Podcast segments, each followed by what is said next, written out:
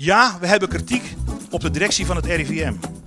Maar in tegenstelling tot wat heel veel mensen denken en rondkakelen, is er gedurende het proces van het onderzoek een fijne en goede samenwerking geweest met de mensen op de vloer van het RIVM. Medewerkers op de werkvloer zijn goed benaderbaar en kun je heel goed mee samenwerken. Deze mensen frauderen niet, zijn oprecht en integer. Het RIVM werd tijdens de persconferentie van Stichting Mesdag Zuivelfonds door Jan Kees Vogelaar aangeduid als betrouwbare organisatie. Een opmerkelijke uitspraak, zeker gezien de moeite die het kostte om de stikstofbrondata te bemachtigen. Het RIVM was niet transparant de afgelopen jaren, ondanks de beweringen van haar directeur Hans van der Brug. Zijn beweringen in de Volkskrant en het FD, dat ze heel erg transparant waren en zijn, zijn pertinente leugens. In deze podcast een gesprek met Geesje Rotgers van Stichting Agrifact. Leuk dat je luistert naar aflevering 1 van Nieuwe Oogst Podcast. Over de berekening van de stikstofdata praat ik met eh, Geesje Rotgers, onderzoeker bij Stichting Mesdagfonds. Welkom. U zegt het uitkomen van boerenbedrijven dat heeft eh, weinig zin. Waarom zegt u dat? Als je kijkt uh, hoeveel stikstof een boerenbedrijf nou uitstort op het natuurgebied. Uh, mensen hebben het idee dat het gaat om kilo's, maar het gaat om grammen. Het gaat vaak om 1, 2, 3, 4, 5 gram op een natuurgebied. En uh, als je kijkt van uh, ervan uitgaande dat er 25 kilo of zo op een natuurgebied valt en je haalt een bedrijf weg, dan scheelt dat een aantal gram. Dus wil je echt kilo's minder stikstof op dat natuurgebied hebben, dan zul je echt in de wijde omtrek zou je gewoon alle bedrijven weg moeten halen. Ja, het is heel duur, maar het levert weinig op. Uh, qua stikstofdepositie is het uh, heel veel bedrijven doen allemaal een klein beetje.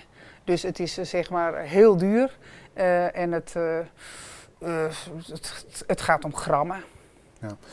Um, u concludeert dat het aandeel van, van de landbouw geen 46% is, zoals het RIVM zegt, maar 25%. waar zit dat grote verschil in?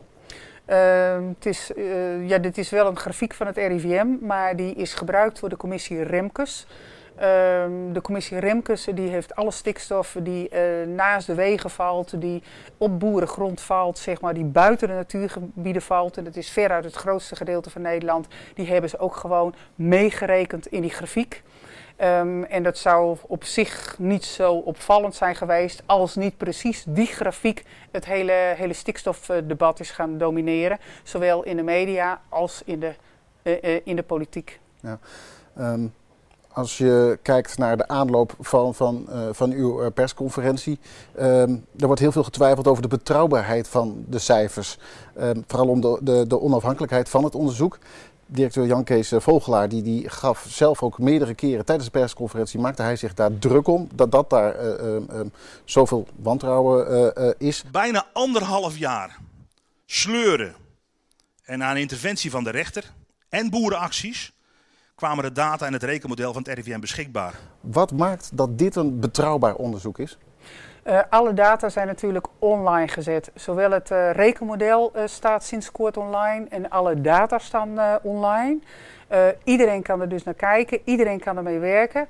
En als je gewoon, ja, het zijn gewoon zeg maar de modellen die de overheid zelf gebruikt. En die rekenen tot vele cijfers achter de komma.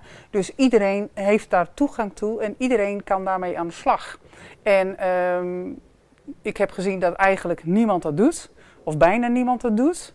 Uh, en vervolgens iemand die daar wel mee aan de slag gaat met die, met die modellen en die ook op een goede manier gebruikt, die wordt dan neergezet als uh, van onbetrouwbaar en uh, het kan niet. maar goed, voordat wij met het onderzoek naar buiten kwamen, de afgelopen dag al, toen hadden sommige media hadden het rapport al weten te bemachtigen, schreven ze. Maar er is helemaal geen rapport. Dus en toen ik die stukken las, dacht ik, uh, ja, en hier zijn we ook niet mee bezig. Dus welk rapport er uiteindelijk bemachtigd is, uh, dat is ook nog een vraag. Ja. Um, u zegt wel, wij, wij hebben een, een, een betrouwbaar, uh, goed onderzoek gedaan. Maar het, het, onderzoek is gedaan door één onderzoeker. U heeft één persoon, die heeft vanmiddag ook uitgelegd wat de uitkomsten zijn. Waarom is er maar, waarom is ervoor gekozen om maar te gaan voor één onderzoeker en niet voor meerdere onderzoekers? Wij hebben, ja, ik ben er ook nauw bij betrokken geweest, dus we hebben wel samen gewoon daarnaar gekeken. Ja, deze onderzoeker heeft er natuurlijk het hoofdmoot gedaan. Dit is natuurlijk wel iemand die gewend is dit soort modellen te bouwen, dit soort modellen te ordenen, ook voor de, voor de overheid. Ehm, en als je werkt met een rekenmodel, dan is het een kwestie van hup dat rekenmodel binnen, de data erin en er komt iets uit. Ja, daar kun je natuurlijk met uh, vijf man uh, naar gaan zitten kijken. Maar het gaat erom dat je iets in het rekenmodel stopt en iets, iets, iets eruit. Net als met, met de rekenmachine eigenlijk. Alleen dit is, uh, dit is complexer. Ja, er is een hetze gevoerd tegen het RIVM. maar u, u, u heeft het maar u heeft prettig samengewerkt met het RIVM uh, uh, en voert er nu op als betrouwbare bron. Hoe zit dat? Um, nou, ik heb, ik heb het woord betrouwbaar heb ik even, even niet genoemd. uh, dat, uh, dat heeft Jan, Jan Kees gezegd. Ja, wij hebben inderdaad wel prettig samengewerkt, maar ik vind het gewoon niet betrouwbaar van de overheid als je iets naar buiten brengt en vervolgens wil je kijken hoe zijn die berekeningen gedaan, dat je dan in, in, dat je dat gewoon niet krijgt.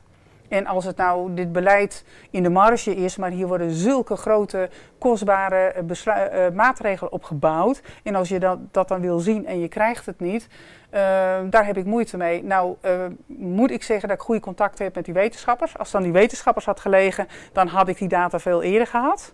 Uh, maar die worden gewoon door een superieure worden zij geblokkeerd. En uh, dus dat onderscheid wil ik wel, uh, wel maken. Dat ik vertrouwen heb in die wetenschappers die gewoon hun werk doen op de werkvloer. Maar als je dan ziet wat, wat hun bazen besluiten, daar heb ik wel moeite ja. mee. En dit is niet de eerste keer dat het gebeurt, dit is al de zoveelste keer dat het gebeurt. Maar waarom wordt er gekozen voor een samenwerking juist met die hetze voorafgaand aan dit onderzoek? Uh, dat heeft natuurlijk alles mee te maken. Um, dat uh, ja, het stikstofbeleid ging onderuit, er zat heel veel druk op. Er kwamen maatregelen aan. We wilden gewoon met spoed een aantal dingen kunnen controleren. En we kregen die data niet. En dat werd ook gewoon gezegd: jullie krijgen uh, die data niet. Ja. En uh, ja, dan worden boeren natuurlijk die uh, gewoon wel de maatregelen voorgeschoten krijgen. Die, en een club die wil gewoon checken of het klopt. ja, dat kan ik me heel goed voorstellen. Tijdens uw presentatie plaatst u zelf ook een aantal disclaimers. Waarom?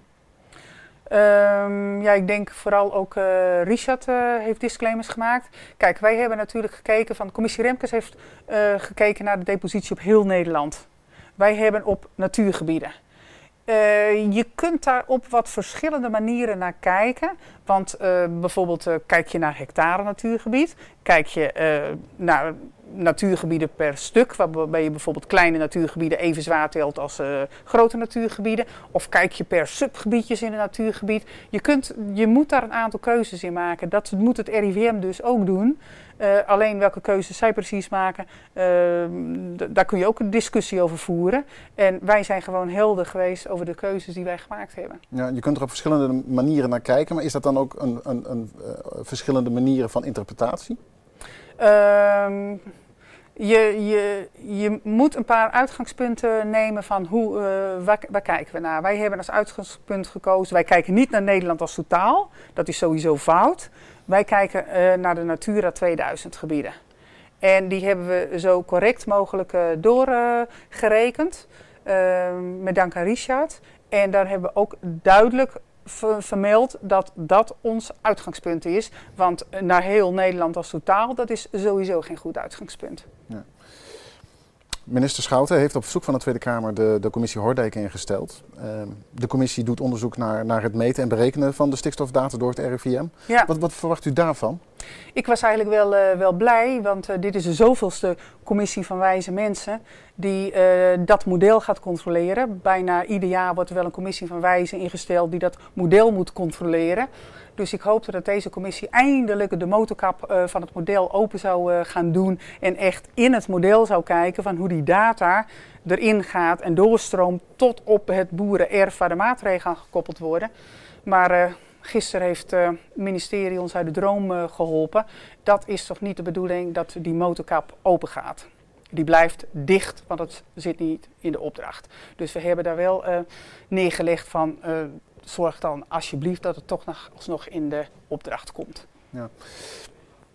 Nu dit bekend is, nu dit is gepresenteerd, hoe nu verder? Ehm, kijk, voor ons uh, zijn uh, dit, uh, dit was eigenlijk de eerste vraag hebben we hoop ik beantwoord. Want toen we de data kregen, toen is ook de pers ogenblikkelijk gaan bellen. En elke week had ik er wel een aantal, hoe staat het met die data? Want kijk, als je die data opvraagt, moet je er natuurlijk ook wat mee doen. Dus wij hadden toen deze data maar geprikt van nou, wat we dan hebben, dat presenteren we. Het is even wachten welke kant het nu opgaat. Het model werkt, de data hebben we. We willen wellicht nog meer gedetailleerde data. Maar goed, we kregen al een paar keer een waarschuwing van, oh, doe dat niet, want de, zo'n berekening kost ruim drie maanden. Dus dat is uh, ook nog een, uh, een dingetje.